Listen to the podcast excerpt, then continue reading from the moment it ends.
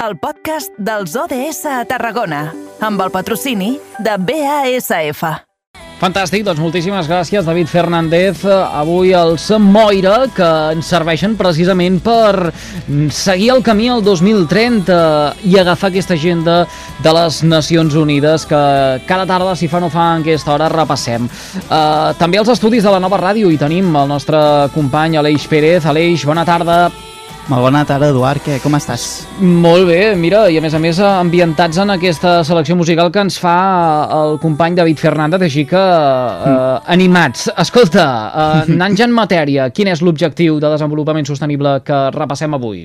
Doncs bé, avui ens centrem en l'objectiu de desenvolupament sostenible número 5 dedicat a la igualtat de gènere perquè estem en un mes de maig que té un element, doncs, òbviament, molt marcat i que, i que, ens, i que doncs, et fa una mica anar a tots els periodistes de bojos, que són les eleccions, i abans de que comenci la campanya electoral i ja entrem en aquesta voràgina i aquest, aquest ciclo d'actualitat i d'immediatesa, doncs volem passar una mica pel fil aquest de la igualtat de gènere, com s'està vivint, com s'està preparant, i per fer-ho mm -hmm. tenim, doncs, com cada dues setmanes, setmanes a l'Olga, del membre, membre del col·lectiu Cau de Llunes. Hola, bones, Olga, com estàs? Hola, bona tarda. Bé, em, entrem una mica en matèria, directament al gra.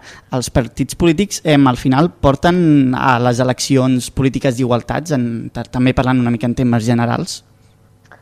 Bueno, hi ha de tot, no? Com, com tot, eh, hi ha partits que ho, ho posen més com una prioritat, eh, hi ha partits que veiem que fiquen quatre coses una mica així de cara a la galeria, diguéssim, però que no són mesures estructurals i hi ha partits que o ni ho esmenten o ja directament proposen mesures contraproduents. Mm. I en, clar, llavors en aquests casos inclús, o sigui, ja no és que directament potser tinguin un menys pes, sinó que no hi ha directament en, en, en alguns programes, no? No sé també em, com, com, es, com, com pot ser això també donat el context en el, en el que ens trobem, com pot donar-se aquesta situació? Um, bueno, no sé si ho, ho dius per, um, pel que t'he dit de partits que, que ni ho contemplen ja.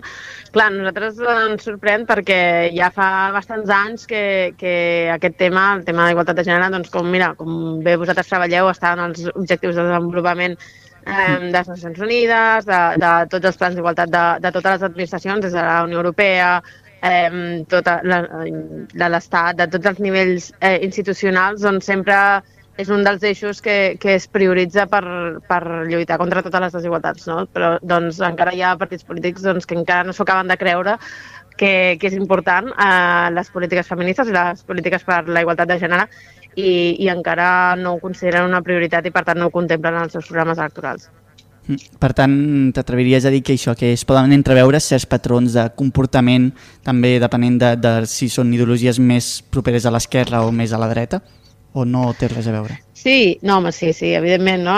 Tenim partits de, de, de dreta i sobretot dels d'extrema dreta que, que no contemplen aquestes polítiques com polítiques de desenvolupament i polítiques prioritàries, Eh, I en canvi, normalment els partits d'esquerres doncs, sí que, que ho consideren més una prioritat, però bueno, com ja hem dit també, dins de les esquerres doncs, hi ha diferents maneres d'entendre això i, i evidentment doncs, les, a les feministes ens agraden més unes que les altres, no? sobretot um, això, nosaltres sempre demanem que no siguin mesures una mica de cara a la galeria o de, mm. de mesures populistes, no? que en campanya electoral doncs, això eh, hi ha molta tendència a que hi hagi mm. mesures que puguin fer-se grans anuncis, però que realment tampoc són transformadores, perquè normalment aquestes polítiques que nosaltres demanem doncs, són més a llarg termini, eh, mm. són, són coses no, d'anar fent a poc a poc perquè entenem que, que, que cal un, un desmantellament i una construcció d'unes altres maneres de funcionar. I clar, això normalment doncs, és poc eh, electoralista, diguéssim. Així que, bueno, mm. trobes una mica de tot en, en les mm. promeses electorals. I tot i així consideres que hi ha hagut doncs, un, una mica també una, un, un canvi, una evolució des de les passades eleccions? Hi ha hagut una evolució o, o veus que hi ha una línia bastant continuista en aquest aspecte? Bueno, les últimes eleccions, que van ser fa 4 anys, el 2019, mm, pensem que ja veníem de les vagues feministes de, que van ser 2018 i 2019, així que aquest tema ja hi havia un, un, un interès, ja, ja, mm, ja estava molt present en, en tots els debats electorals i, i moltes vegades també ja el, els periodistes ja preguntàveu per aquest tema a, a molts candidats i candidates. Ara, doncs, en aquests, en aquests anys hem pogut veure doncs, qui realment s'ho creu, qui no, qui, qui, qui um, al cap de quatre anys doncs, continua apostant i, i ha fet alguna cosa al respecte o s'han canviat um, algunes coses, no? però i, i hem pogut veure doncs, altres mm, partits que potser doncs, no s'ho creien del tot i, i es feien anuncis que no, mm -hmm. que no s'han vist transformats en, en gaire cosa més. Uh, Olga, escolta una cosa, el, el, clar, uh, el clar exemple de que totes les llistes que concorren a les eleccions uh, contemplen eh, aquestes polítiques d'igualtat és que eh, han de ser o, o, o, llistes cremallera no, eh, però sí que hi ha d'haver paritat entre homes i dones.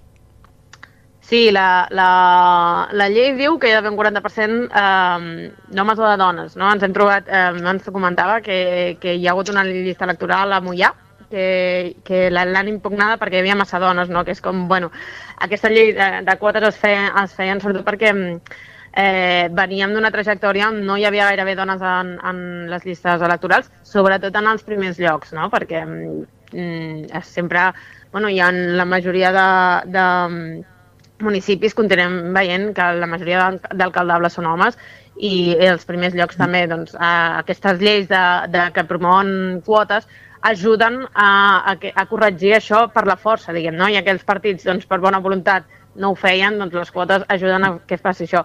Ara ens trobem, doncs mira, doncs que, que una mesura pensada per promoure la, la presència de dones a llistes electorals doncs, um, no s'ha interpretat d'aquesta manera, sinó que s'ha impugnat per, per, haver, per obligar a afegir algun home.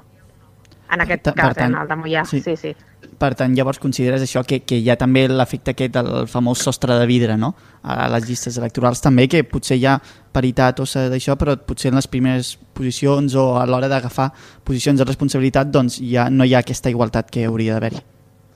Exacte, sí. Tot i això, mm, jo em faig una mica pesada amb que anem dient sempre, que ens preocupa més eh, el que es diu el terra enganxifós, no? que no el sostre de vidre, no? que ens preocupa més que, que realment, per exemple, una de les coses que tenen els governs municipals eh, és que han, són responsables de les condicions laborals de les persones que hi treballen. No? Doncs mm, que a veure si els governs municipals que es constitueixin tenen en compte que aquestes treballadores, que la majoria de vegades són dones, tinguin condicions laborals dignes i, per exemple, doncs, que no s'externalitzin serveis com el servei d'atenció a domicili, que és de competència municipal i moltes vegades està externalitzat a, empreses de, eh, privades i, per tant, els drets de les treballadores doncs, continuen doncs, no sent una prioritat. No? Doncs, en coses d'aquestes ens fixem més, més que, que hi hagi més dones, perquè al cap i a la fi també trobem dones eh, que encapçalen llistes de l'extrema dreta, així que tampoc hauria de ser l'únic indicador. Hem de ser-hi perquè ens toca, però no és l'únic indicador que, que busquem.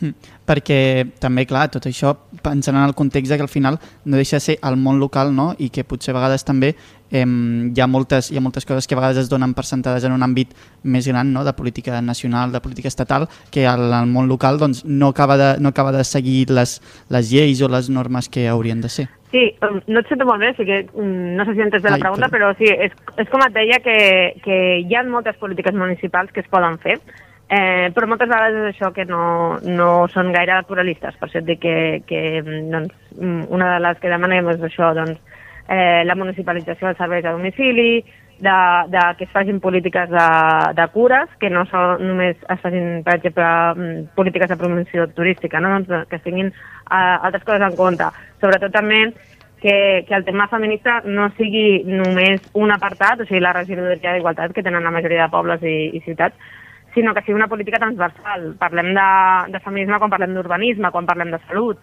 quan parlem d'educació, quan, mm -hmm. quan parlem, per exemple, de seguretat, no? Parlem, eh, intentem tenir un altre concepte de seguretat que no sigui només la vigilància, perquè eh, a vegades, no?, eh, doncs, eh, també això de la policia local, que també és competència dels ajuntaments, doncs també és entesa la seguretat des d'una perspectiva molt, molt de control i, de, i, la, i per exemple trobem des del feminisme que la majoria d'agressions que patim les dones en l'àmbit privat. Vull dir que no ens serveix aquest model de seguretat només.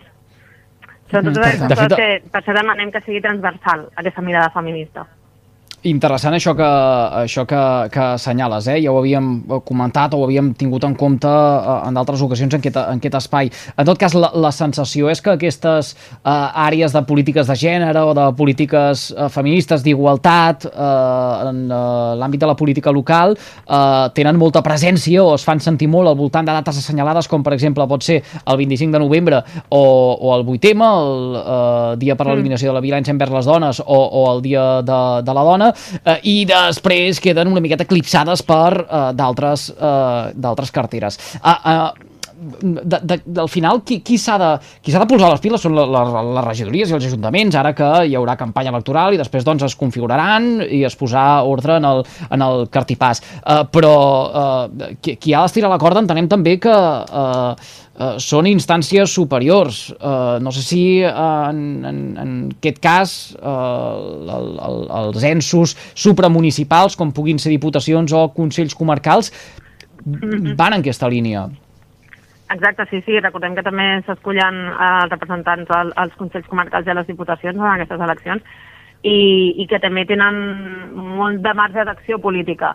Eh, sí, ara parlar dels serveis socials, per exemple, és un, és un àmbit de competència eh, comarcal en molts ajuntaments, sobretot a pobles petits, Eh, però una mica amb el que deies, sí, trobem que moltes vegades doncs, eh, la, el tema del feminisme està molt present doncs, per les diades, però també inclús a les diades és, és un tema de declaracions institucionals, d'actes, eh, molt puntuals, però mm, no hi ha mai un, un, una visió estratègica de dir, vale, doncs què fem, no?, amb, amb això, amb l'organisme, amb la seguretat, amb, amb, amb la salut, amb, amb els serveis a, a les persones, eh, amb, amb la política laboral que té el mateix Ajuntament. Per això també, eh, ja que estic aquí, us convido als periodistes aquests dies que entrevistareu a molts candidats i candidates a preguntar-vos per aquest tema, i no només això, no només en temes de feminisme, sinó mm, com es plantegen altres àrees amb una mirada, una mirada de gènere.